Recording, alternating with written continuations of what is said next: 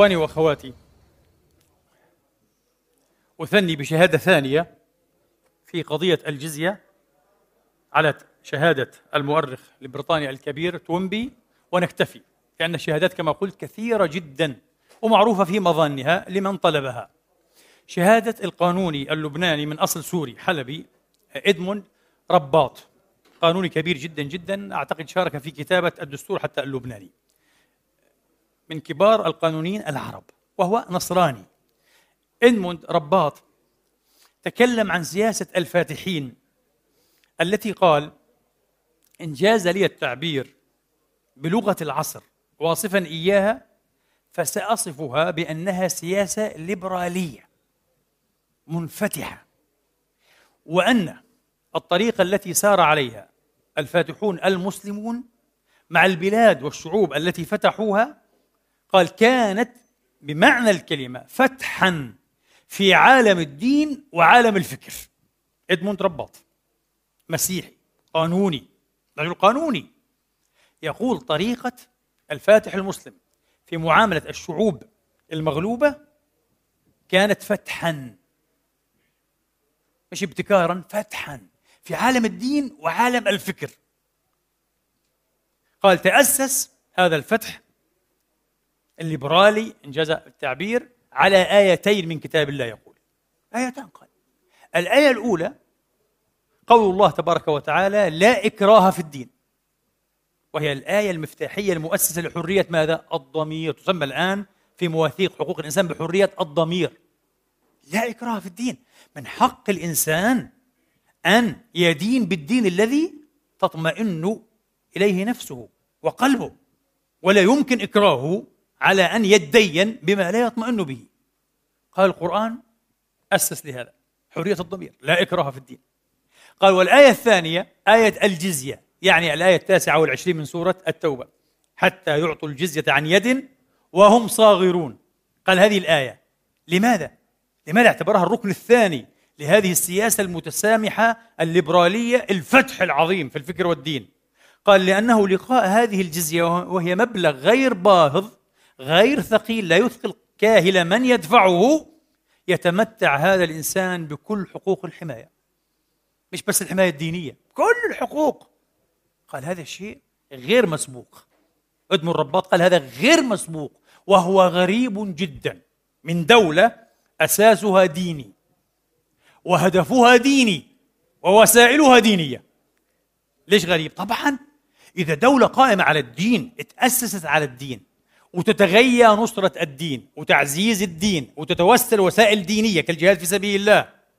وبعد هذا كله وبعد أولئكم تأتي هذه الدولة وتقول من حق كل امرئ أن يستمر على الدين الذي يرتضيه من يهودية أو نصرانية أو مجوسية أو حتى الأديان الوثنية. في رأي جماعات من العلماء وهذا الذي سيرت عليه الدول الإسلامية على فكرة.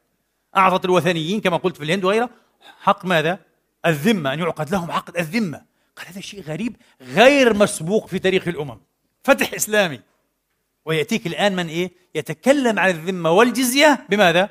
باستخفاف يريد أن يقنعنا أنهما إيه؟ مفردتان حقيرتان مفردتان تبخيسيتان تنتقصان من كرامة وحقوق الإنسان كبرت كلمة تخرج من أفواههم إن يقولون إلا كذبا لكن تكفينا شهادات إيه؟ هؤلاء الأيقاظ المنصفين من عمالقة الفكر في العالم. وأنا ذكرت اثنين والشهادات كما قلت لكم بالعشرات إن لم تكن بالمئات بفضل الله عز وجل. طيب ذكرت السيدة جابريل أيضا أن المسلمين كانوا يختمون رقاب أهل الذمة. شوف الإجراء غير الكريم المهين الاستذلالي. يختمون رقابهم يعلقون يعني قالت في رقابهم قلائد معينة لكي يعرف أنه إيه أدى ما عليه من جزية بفضل الله تبارك وتعالى المؤرخ الكبير هذا الرجل أنا استفدت منه كثيرا حتى في طروحتي وأعتقد أنه من أروع من كتب عن أحوال أهل الذمة في الحاضرة الإسلامية ستانلي ارثر تريتن في كتابه أه؟ الخلفاء ورعاياهم من الذميين. كاليفس and their non-Muslim subjects. الخلفاء ورعاياهم من الذميين. كتاب عظيم. أنصح كل إنسان آه، أن يقرأ هذا الكتاب. برأ الإسلام والحاضرة الإسلامية والسلطة الإسلامية من معرة ابتكار ماذا؟ القلائد هذه. ختم رقاب الذميين. قال غير صحيح. وطبعا جاء المؤرخون مع تريتن آه، مثل ميتس وغيرهم كثيرون وقالوا هذا كان معروفا من زمان الآشوريين. ومارسته بيزنطة. وفي تاريخ الكنيسة النصرانية إديسا أو الرها حاكمها في القرن إيه؟ السادس الميلادي كان بأمر إيه؟ الإمبراطور البيزنطي يعطي الرعايا رطلا من الخبز ويختم رقابهم علشان يعرف أنهم إيه؟ أخذوا حتى لا يأتي الرجل مرة أخرى ويأخذ إيه؟ رطلا آخر. يعني إجراء عملي ما عندهمش. لا في طباعة ولا في تقييد إلكتروني مثل الآن. يا إخواني إلى اليوم. كما لاحظ المؤرخ المصري الكبير الدكتور علي الخربوطلي رحمه الله تعالى عليه مؤرخ الحضارة الإسلامية. آه الله يرحمه ويطيب ذكره. خربوطلي قال إلى يومنا هذا توجد دول كثيرة في آسيا وأفريقيا لدى الانتخابات. الانتخابات الكشن يعني. لدى الانتخابات يختمون آه معاصم أو أيدي آه الناخبين بختم معين لا يزول إلا بعد يومين. حتى لا يتكرر ماذا؟ آه إدلاؤه بالصوت مرتين. بعد يومين ينزل هذا اللون تلقائيا. هكذا كان أيام إيه؟ البيزنطيين والأشوريين وأيام الإمبراطورية إيه؟ الرومانية وأيام المسلمين. كيف حنعرف؟ الجميل أن القاضي يعقوب إبراهيم الكليني المعروف إيه؟ بأبي يوسف وهو صاحب أبي حنيفة صاحب الأعظم فيهما طبعا مع محمد بن الحسن في كتابه الخراج الذي وضعه للرشيد هارون ذكر قضية ختم الرقاب. وأنها فعلت إيه في أيام إيه بعض إيه الصحابة؟ قال معربا عن العلة نفس الشيء. حتى يحصوا ويعرف من الذي أدى ممن لم يؤدي. فإذا استوفيت الجزية من الجميع؟ يعني عندنا ألف واحد نأخذ من الجزيه صار عندنا ألف. كسرت هذه إيه؟ الأطواق. بكسروها خلاص. إذا لم تكن إيه؟ أكرمكم الله كأطواق الكلاب أو لاستذلالهم ويمشوا بها في الناس حتى يعرف أنه يهودي أو نصراني. ابدا ابدا. كانت إجراء عمليا. هذا طبعا لم تذكر شيئا منه السيدة إيه؟ برجيت جبريل اطلاقا. أحبت أن تنهي إلينا أنه إيه؟ إجراء استعبادي يعامل الناس كالحيوانات يعني. عيب. لكن طيب نجاستهم. بالغت للأسف في الإفك والزور حين ذكرت أن المسلمين يعاملون اليهود. وذكرت اليهود. ويعني أعتقد أنها لم تذكر النصارى. قالت اليهود. يعاملون اليهود على أنهم نجس. تقول نجس. تفسرها باللغة الإنجليزية. تقول نجس يعني قذر قمامة كلب. نجاسة في دمائهم السائلة. يعني نجس تقول إيه؟ عينيا. أي معنى إيه؟ نجس في دمه السائل. دمه نجس يعني. معناها لحمه نجس طبعا. آه. هل هذا صحيح؟ إيش المستند؟ إيش الدليل؟ كما قلت لكم وتشغب وتحدث اشتباها لدى كثيرين من أبناء المسلمين ممن يجهلون دينهم وتاريخهم. طبعا قد يقال نعم القرآن قال إنما المشركون نجس فلا يقربوا المسجد الحرام بعد عامهم هذا في التوبة. القرآن قال طيب جميل لنناقش عشان نتعلم كيف نفهم الدين. هل القرآن قال إنما المشركون وأهل الكتاب؟ ولا قال بس المشركون؟ وطريقة القرآن تفرق على طول الخط بين المشركين وأهل الكتاب. والعطف يقتضي التغاير. إن الذين كفروا من أهل الكتاب والمشركين ولا صحيح مشركون صنف وأهل الكتاب صنف آخر. وأحكام هؤلاء غير أحكام هؤلاء. طب أنت إيش دخلك في حكاية المشركين؟ متعاطف مع عباد الأوثان نفترض؟ اتعاطفي. لكن ليه دخلت اليهود؟ طيب حنرجع إيه إلى نجاسة المشركين. السؤال الآن إنما المشركون نجس بأعيانهم يعني نجاسة حسية فعلا عينية مثل جرم نجس يعني فعلا مثل ما قالت هي مثل أكرمكم الله يعني البول والغائط ولا نجاسة معنوية حتما نجاسة معنوية وهذا رأي الجماهير خالفه قلة رأي الجماهير وهو الصحيح لماذا؟ لماذا هو الصحيح يا إخواني؟ لماذا هو الصحيح؟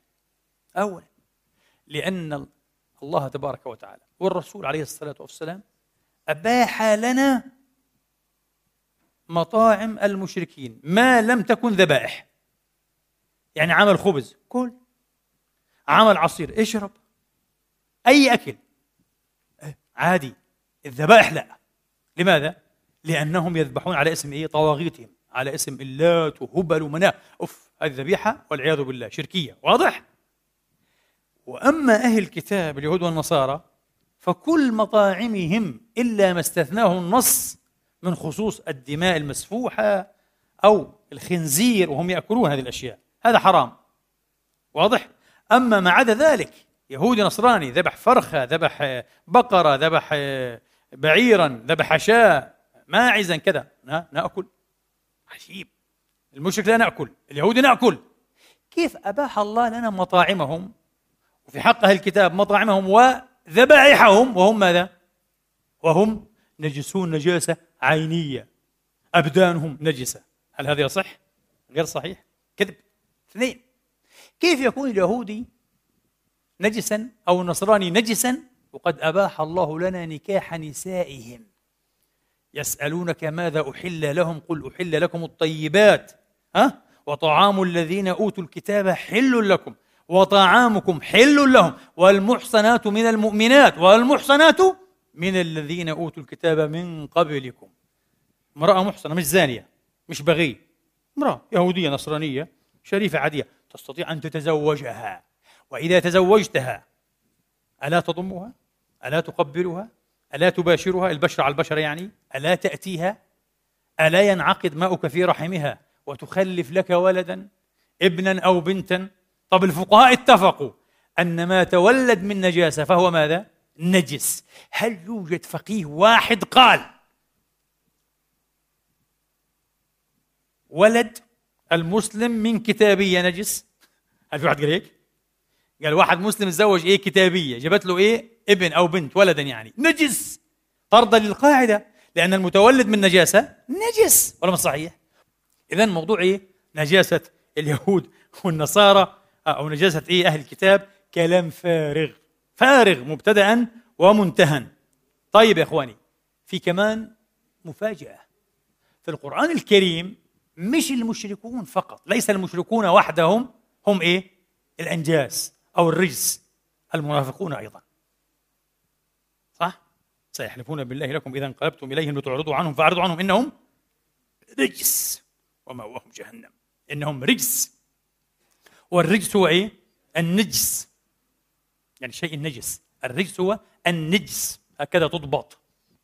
والرسول عليه الصلاة والسلام فسرها كما قال أبو جعفر شيخ المفسرين آه بهذا. حين كان إذا دخل الخلاء آه يدخل طبعا إيه؟ برجله آه الشمال. ويستعيذ بالله. أعوذ بالله من الرجس النجسي الخبيث المخبث الشيطان الرجيم. لأن هذه كلها من صفات الشيطان. هو رجس وهو خبث البعيد لعنة الله عليه طبعا. آه. فإذا الرجس هو النجس. وهذه طريقة إيه؟ بعض اللغويين الكبار في الكوفة والبصرة. يعادلون بين إيه؟ آه. الرجس والنجس. فالله جعل المنافقين إنهم رجس ومأواهم جهنم. آه. وأما الذين في قلوبهم في آخر التوبة آخر صحيفة. وأما الذين في قلوبهم مرض فزادتهم رجسا إلى رجسهم. جميل. الآن المنافق هذا. كانوا في بعض الصحابة منافقين أليس كذلك؟ في نص القرآن الكريم والسنن. ألم يكونوا يتزوجون المسلمات؟ كانوا. ألم يكونوا يصلون إيه في الصفوف والأولى ربما أحيانا مع كبار الصحابة خلف رسول كانوا. ألم يكونوا يؤكلون ويشاربون ويجالسون الرسول وأصحابه؟ كانوا. طب هم رجس. آه إذا ما معنى الرجس والنجس؟ في حق المنافقين وفي حق المشركين. الرجس المعنوي. تقول لي كلمة كمان زيادة عشان نفهم أكثر. يعني هو خبث عقائدهم وطواياهم. سرائرهم من جوا وسخة. واضح؟ سريرته وسخة. يعطيك من طرف اللسان حلاوة. ويروغ منك كما يروغ الثعلب. كذاب. يظهر لك إيه؟ المحبة. وهو كاظم على ماذا؟ على كره عظيم لك. قد بدت البغضاء من أفواههم في لحن القول. أه؟ ولا تعرف أنهم في لحن القول. آه. تعرف إنه هذه هذه الكلمة بقولها محب. هذه بقولها واحد كاره. هذه بقولها واحد إيه؟ كاره. مغيظ محنق. قد بدت البغضاء من أفواههم وما تخفي صدورهم. أكبر. خبيث. هذا الخبيث. هذا الرجس. هذا النجس. اعتقاد وسخ. طوية وسخة نيته مش نظيفة على فكرة اليوم الأم بتقول لابنها الزوجة تقول لزوجها الزوج يقول كذا الصديق يقول لصديقه الشيخ بيقول لها إيه؟ صف نيتك صف نيتك طهر قلبك. إيش قصده يعني؟ نيتك لما تكون وسخة لا تفلح.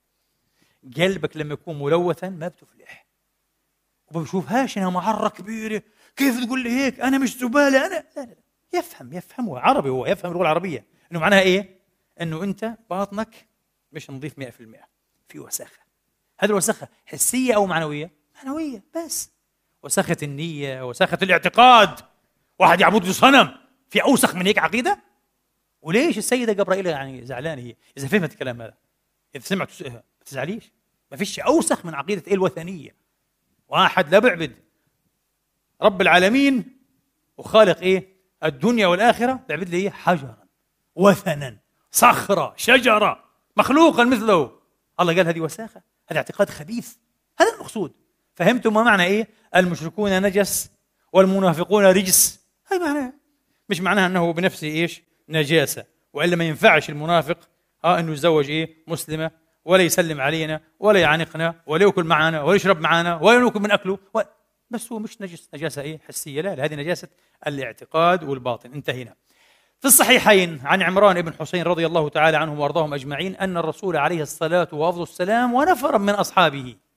شربوا من مزادة مشركة. مشركة. عندها مزادة قربة. ها؟ فيها مية. استسقوها أعطتهم النبي شرب والصحابه شربوا. لو كانت المشركة هذه نجسة نجاسة حسية ينفع نشرب من مزازتها ما ينفعش. صح ولا لا؟ ابدا. ما ينفعش حتى تلمسها وتلمسك لأنه نجس. ما ينفعش تمسك القذورات والعذراء. نجاسة. وثبت عن حذيفة ابن اليمان أيضا أنه استسقى مجوسيا فسقاه المجوسي. ما في مشكلة. واضح؟ جميل. آه. طيب خلصنا. الشيء الغريب أنها لما تكلمت عن نجاستهم راحت فرعت وأتت بعجب من العجب. وهذا مهم. سوف نستفيد منه كلنا كمسلمين. انتبهوا. تمس إليه الحاجة. قالت لك المسلم إذا كان يمشي في طريق وراى يهوديا وما قالش حتى نصرانيا مره أخرى يعني. المفروض نفس الشيء يهودي أو نصراني يعني. قالت لا يهودي مركز على اليهود. آه. تستقوا بهم علينا يعني أساسا وراى يهوديا فالمسلم لابد إيش؟ أن يضطر هذا اليهودي إيه؟ انه يصير إيه؟ وحده على الجانب الآخر. والمسلم يصير في جانب آخر. كل واحد لحاله. مش في نفس إيه؟ الرصيف. ليه؟ قالت لأنه نجس. قالت ما هو اليهود عندهم نجس وهالنجس هذا ممنوع يقرب مني أو أقرب منه أو يلمسني. فيمشي لحاله غاد وأنا أمشي هنا. كل واحد لحاله على الرصيف شفتوا كيف؟ طبعا هم مدهوشين من حقارة الإسلام. طبعا دين مثل هذا بيكون حقير هذا. إيش الحقارة؟ هذه ليه تنظر للناس النظرة هذه؟ بنو آدم مكرمون ولقد كرمنا بني آدم الله قال. ما قالش كرمنا إيش؟ عشان هيك الرسول عليه الصلاة والسلام والحديث أخرجه البخاري ومسلم وأهل السنة إلا النسائي. يعني حديث من أصح ما يكون. سهل بن حنيف الصحابي الأنصاري الجليل وقيس بن سعد بن عبادة. وقيس بن سعد قاعدين في القادسية من أعمال فارس تعرفوها بعد ما فتحوها. قاعدين. فمر عليهما بجنازة يقال جنازة وجنازة بالفتح والكسر لا بأس. مر عليهما إيه؟ بجنازة فقام لها. شوف شوف عظمة المسلمين عاد. مش تبع اليوم. وهذا حديث في الصحيح كما قلنا. فقام لها. فقيل لهما إنها لأهل الأرض. جنازة واحد من أصحاب الأرض. يعني إيش؟ المجوس عباد النار الذميين. كانوا في الذمة الحين خلاص. بس عباد النار هذول أساس. فقال هم اثنين سمعوا هذا الحديث من رسول الله أو شافوا الواقعة. قال مر على رسول الله صلى الله عليه وآله وسلم بجنازة فوقف لها. الرسول وقف الجنازة. شوف هيبة الموت احترام الجثمان. فقيل يا رسول الله إنها ليهودي فقال أليست نفسا؟ يا سلام. شوف. هاي جيب الحديث هذا. علم الغرب الأوروبي والأمريكي كيف محمد وقف لجنازة يهودي. ولما بعض الصحابة قالوا يعني هذه مش واحد مسلم يهودي. قال هي نفس. معلم الأمم كلها وأمته خصوصا إنه النفس محترمة حية وميتة. طب إذا احترمها وهي ميتة بحترمهاش حية؟ أكثر طبعا. طبعا. بحترمها أكثر لأنه حي. ما السيدة بريجيت ما قالتش لهم اللي قلنا إحنا هنا 100 مرة. ولا نمل من تردادي. بس مش حنقوله بالتفصيل لأنه حتملوا أكيد. وأنا حمل. آه، بس هم يرجعوا يبحثوا عاد إنه في سورة النساء تسع آيات غطت أزيد من صحيفة. أزيد من صفحة كاملة. صفحة وبعض الصفحة. تخيل آيات آيات. شديدة الملامة. قوية العتب. عالية النبرة. آيات حديد. والنصيب الأعظم من العتب والملامة من الذي ظفر به؟ رسول الله. أوه. ليه؟ ليه إيش عمل الرسول؟ لأنه صدق جماعة من الأنصار مش النصارى النصارى الأنصار الصحابة يعني الأنصار إزاء المهاجرين من الأنصار من بني أبيرق أحدهم سرق درعا لأحد الناس ثم إيه؟ اتهموا بها يهوديا ألقوها في داره جماعة صحابة موحدون مسلمون من الأنصار ناس محترمون كلهم شهدوا ضد يهودي. فالنبي صدق. من الذي كشف القضية؟ وعتب على النبي وشدد العتب والملامه عليه. تأنيب كان فيها تأنيب الايات رب العالمين. عشان نفهم هذا القرآن مش من عند محمد. محمد بيفضحش حاله صح؟ لو محمد استغفر الله وحاشا لمحمد إلى انقطاع النفس بل إلى انقطاع الدنيا. والأبد إن كان له انقطاع وما هو بمنقطع. حاشا لمحمد. أن يترك الكذب على الناس ثم يكذب إيه؟ على الله. النبي عمره ما كذب على البشر يكذب على رب العالمين. وبعدين وحاشاه وفرض المحال ليس محال. لو كذب على الله وقال أنا نبي وألف القرآن من عنده والله وعزة جلال الله خيام من مسلم وغير مسلم يعرف الله. مستحيل أن النبي يصحح نفسه ويفضح نفسه من أجل مين؟ يهودي من العامة من أهل الذمة. يهودي كافر مش مسلم. لا مين أحسن لي؟ أكسب الأنصار وبني أبيرق ولا أكسب يهود مش حكسبه ولم يكسبه النبي؟ لا أكسب الأنصار جماعتي ولا صحيح. معايا. اليوم أنت اليوم أنت مسلم موحد سني. تختلف مع مسلم موحد سني حزبيا. هو في الحزب الفلاني وأنت مش متحزب. بيكرهك وبحمر لك عينه ومرات بيفتري عليك ويبغيك العنت ولا ينصف فيك. صح ولا لا؟ وحسنتك عنده سيئة وسيئتك وسيئتك بألف سيئة. هاي البشر. مزبوط هاي البشر هاي الناس. محمد ما كان شيك محمد بشر صح ولكن نبي الرسول.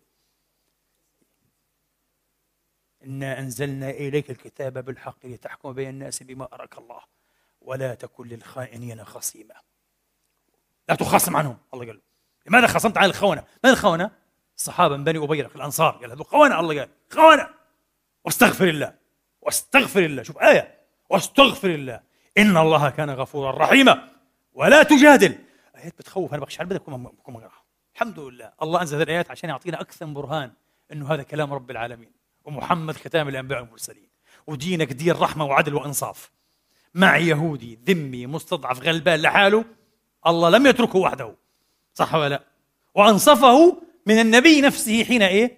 مش هنقول باللغة العامية يعني ضلل أو خدع ولكن كاد أن إيه؟ يضلل. والله قال له إنه لولا إحنا إيه يعني ثبتناك هذول ضللوك هذول. ودوك في دايه الصحابة الأنصار اللي كذبوا. في حق يهودي. ليش؟ وبتقول لك إيه دين محمد تحول من دين روحاني في أول 12 سنة إلى دين إلى سياسة تتوشح بالدين. هذه سياسة؟ بالله عليكم هذه سياسة؟ هذه لا علاقة لها بالسياسة. هذا الدين دين. المسلمون اليوم أقسم بالله أحوج الخلق أن يتعلموه لأنهم بعيدون جدا منه وين تلاقي اليوم إنصاف مسلم من مسلم؟ إنصاف مسلم لمسلم. ما بتلاقي الكلام هذا. كل واحد متحزم ومتخندق صح ولا لا؟ بيذبح كل العدالة من أجل نفسه وطائفته ومذهبه وحزبه وأهل بلده وكذا. آه. ضد مظلومين من أهل دينه. اسكت يا رجل. آه. واقروا الآيات. ارجعوا رجاء اقرأها وحدك في الليل الحين لسه في رمضان ليله 29 اقرأ سورة النساء واقرأ هذه الآيات عشان تبكي. تبكي. على ما لم تعلمه من دينك وتبكي على حالة المسلمين اليوم. إلى آخر الآيات. هذا لم تقله هي السيدة إبريجيت لهم. محمد واليهود لم تقل هذا. بس أنتم وظيفتكم تقولوه. قولوه. كل اللغات قولوه إلى كل لغات ترجموه. لا تبرأ ذمتكم إلا بهذا. بشروا بدينكم. ارفعوا رأسكم بهذا الدين العظيم. والله العظيم يرفع أقل رأس وأضعف رأس. يرفعها فوق. مين عنده دين زي هذا؟ مين عنده كتاب بهذا المستوى يا إخواني؟ مين؟ أخبروني. طيب بعدين تكلمت كمان إيش؟ اكتشفت اكتشاف. قالت الخليفة العباسي الثاني. المتوكل. الثاني أول واحد مين كان هو؟ أبو العباس. آه، أبو العباس سفاح. بعدين أخوه أبو جعفر المنصور. بعدين المهدي. بعدين الهادي. بعدين الرشيد. بعدين الأمين. بعدين المأمون. بعدين المعتصم. آه، وين؟ في العصر العباسي الثاني في عصرين عندنا. في العصر العباسي الثاني أول خليفة فيه يعني شوف العصر العباسي الأول أول واحد مين؟ السفاح. وآخر واحد الواثق. في العصر العباسي الثاني أول واحد مين؟ المتوكل. وآخر واحد المستعصم. اللي ضربه إيه؟ التتار إيه؟ في كيس الخيش وقتلوه رحمة الله عليه المسكين. المتوكل. المتو... إذا ذكر المتوكل طبعا إذا ذكر المتوكل فإنه يذكر بفصل اسود من فصول معامله أهل الذمة في الإسلام صح وأنا ذكرت هذا في طروحتي للدكتوراه ذكرت كيف الفصل هذا للمتوكل مع أن المتوكل إحدى نسائه إحدى زوجاته وهي أم ابنه أحمد المنتصر اللي ذبحه ذبحوا أخذ الخلافة منه للأسف الشديد آه. 13 الخليفة عباس ذبحوا آه. 13 ما شاء الله عليهم آه. هذه سلطة سلطة لعنة هذول مش حجة على الإسلام الإسلام حجة عليهم وأنا صحيح وعلى من هو أكبر منهم فالمتوكل كان محنة على الشيعة وكان محنة على المعتزلة وكان محلة على إيه؟ على أهل الكتاب الذميين. فقط كويس كان مع الحنابلة بسموهم أهل السنة يعني وبحبوه أهل السنة اليوم المتوكل ما مجرم ظالم هذا. عشان أنه أنصفكم وظلم الخلق كلهم صار عندكم ممتاز يعني مش ممتاز. ظالم الله ما بحب الظلم ولا صحيح. شفنا كيف القرآن أنصف يهودي من محمد. وأصحاب محمد. انصفونا يا أخي انصفوا المعتزلة وإخوانكم الشيعة وانصفوا الذميين لهم ذمة الله ورسوله. فالمتوكل فعلا فرض على أهل الكتاب شغلات سخيفة جدا جدا. يلبسوها ويعلقوها على بيوتهم وعلى كنائسهم. الرجل يعني مهفوف كان في الشيء هذا. خلي والعلماء أنكروا عليه واعتبروه فصل أسود فعلا في تاريخنا. جميل. بس مش هذا اكتشاف الاكتشاف قالت لهم تعرفوا النجمة الصفراء اليولو بادج هذه؟ طبعا إذا ذكرنا النجمة الصفراء أو الإشارة الصفراء البج الأصفر هذا مباشرة. وين بنروح؟ النازية. النازيون. شيء بخوف؟ بدها حتى إيه يعني المعرة تاعت النازيين تتحملها لمين؟ للمسلمين. شو العبقريه هذه يا أخي؟ إيش قصة النجمة الصفراء هذه؟ بس باختصار عشان نطولش. باختصار. من سنة 38 1900 طبعا. سنة 1945 النازيون طبعا هتلر في ألمانيا. بتعرف أنتم عاد كيف؟ تعامل اليهود والأقليات والغجر واليوسلس ها؟ والبهندرتي هذول لوتي وكذا إلى آخره. كل هذول مساكين. فاليهود كان في معاملة لهم تمييزية بالعلامات. مش عندهم نجمة داود هم؟ مثلثين. واحد قائم واحد إيه؟ مقلوب. فلازم آه الإشارة الصفراء. إذا كان أصفر فهو يهودي. هذا يهودي. حاملها. النجمة الصفراء هذه. خلاص يهودي. بعدين يهودي مثلي. يعني جنسي مثلي. واضح؟ يهودي مثلي. أو يهودي زوفيلي. يعني بهيمي. شو بهيمي؟ بيعشق البهائم. تعرف. اسمها الزوفيليا. عشق البهائم والعياذ بالله. فهتلر ما كانش بتسهل مع البهيمين هذول اللي بيعشقوا الحيوانات والكلاب والشغلات هذه والقردة ومش عارف إيه. ومع المثليين كمان. آه اللواطيين يعني. السدوميين. ما بتساهلش معهم. فكانوا بيعملوا إيش؟ بسموه المثلث الوردي. آه؟ المثلث الوردي. مثلث في نجمة داود هذا؟ آه وردي. يعرف هذول مين؟ يهودي مثلي آه أو إيه؟ زيوفيلي أو كذا أو كذا أو غير يهودي بغض النظر. بعدين عندنا المثلث هذا واحد فيهم بيكون إيش؟ أسود. هذا بيكون مش يهودي بيكون آري ألماني أبو الدم أزرق يعني. ذو الدم الأزرق. عنده صلات وتعاملات وتيسيرات وشبهات مع اليهود. يا ويلك. فبحطوا له مثلث إيه؟ أسود. في مش القصة؟ مثلث أصفر مثلث روزا يعني زهري ومثلث أسود. هذه القصة. وطبعا اليوم عاد اليهود مساكين تعرف انذبحوا عاد في الهولوكوست عاد. لما بيسمعوا كلمة المثلث الأصفر بتقشعر ابدانهم وعندهم الحق طبعا. انذبحوا في أفران الغاز والذبح وكذا. فشيء مزعج جدا. فما شاء الله السيدة بريجيت هذه قالت لك انتبهوا المثلث الأصفر مش ألمانيا وما قالش النازيين. لأنه عارف ليه؟ هي مش سهله هي برضه. خاطب اليهود وخاطب كذا. لو تقول النازيين بثور عليها اليهود كمان. يعني أنت إيش بدك؟ أنت بطريقة ما عندك رغبة تبيضي ساحة النازيين؟ فما قالت النازيين قالت الألمان. افهموا. حاول تفهم الخطاب اللي بتقراه وبتسمعه أنت. خليك محلل ما تكون هيك ساذج. قالت النجمة الصفراء مش ابتكار ألماني. لا قولي نازي. ليش ألماني؟ إيش دخل ألمانيا؟ نازي. حقبة العار هذه في تاريخ ألمانيا. قالت هذا ابتكار إسلامي. أول من ألزم اليهود بلبس النجمة الصفراء المتوكل الخليفة العباس الثاني. أنا قريت تاريخي وبالتفصيل بفضل الله. آه.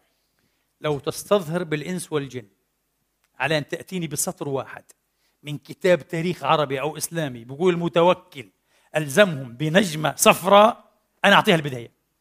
أنا حاعترف بأنني جاهل وهي بتفهم ديني أكثر مني وتاريخي. ليش الكذب هذا؟ من أين هذا؟ هي النجمه الصفراء النجمه أما تقول علامات صفراء في العمائم كانوا يحطوا مثلا إيش؟ شريط أصفر يميز اليهودي من المسيحي. نعم هذا حصل. شريط أصفر في العمامة. وظلوا أيام الفاطميين وأيام حتى إيه؟ المماليك. الشريط الأصفر. ها؟ بس مش النجمة. شعار نازي هذا. شفت؟ تلعب على جهل الناس. تستغل الجهل. فكونوا حذرين. كونوا ومستيقظين. بعدين راحت جابت إيه؟ ورطة ثانية اتورطت فيها. فقالت إيه؟ الزنار. زنريون باليونانية. الزنار. الكنيسة السوريانية. شرقية وغربية بتسميه زنارا. من كلمة يونانية آه زنريون معناه هو هذا. الوشاح. وشاح يوضع على الخصر. أو على الصدر أو أي مكان آخر. لكن يستخدم في الكنائس شرقية وغربية أكثر شيء عشان تثبيت ماذا؟ تثبيت الثوب الرداء تبع الكاهن آه؟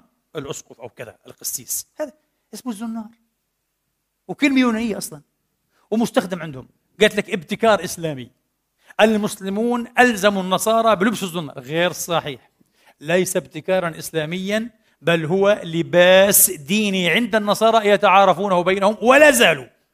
كلهم بيلبسوا إيه؟ الزنارات. لليوم ولا ظلهم أهل ذمة مجدرين ها؟ في الشرق والغرب على فكرة. في الشرق والغرب. إيه الجهل هذا؟ وإيش الكذب هذا؟ عيب. مرة أخرى عيب. نرجع لموضوع إيه؟ المشي في جهة واليهودي في جهة.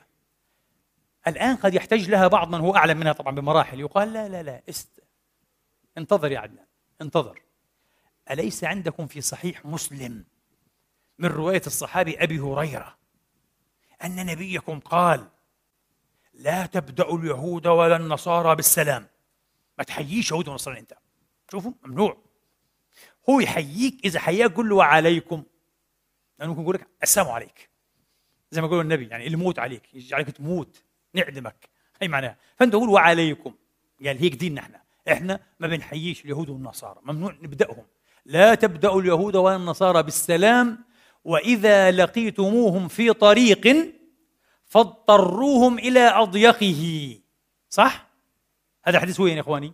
في صحيح مسلم مشكلة ليش مشكلة؟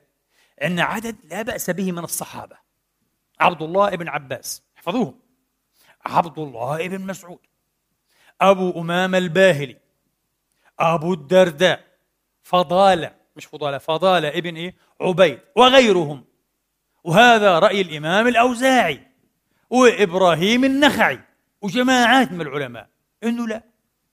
المسلم يحيي اليهودي والنصراني. يقولوا السلام عليكم. سلام عليك. أنا بعطيك السلام مني ما تخافش. أنا ولا بأذيك. ولا بتكلم فيك كمان ولا أبدا. السلام. أنا ابن السلام. ابن الإسلام وأنا بحمل رأية السلام للعالم. وبوزع السلام على الناس. السلام عليكم. السلام عليكم. السلام. أنتم سالمون آمنون. يا سلام. هذا الإسلام الحلو الجميل. اللي غطوه اليوم الجهلة والقتلة والذباحين ها؟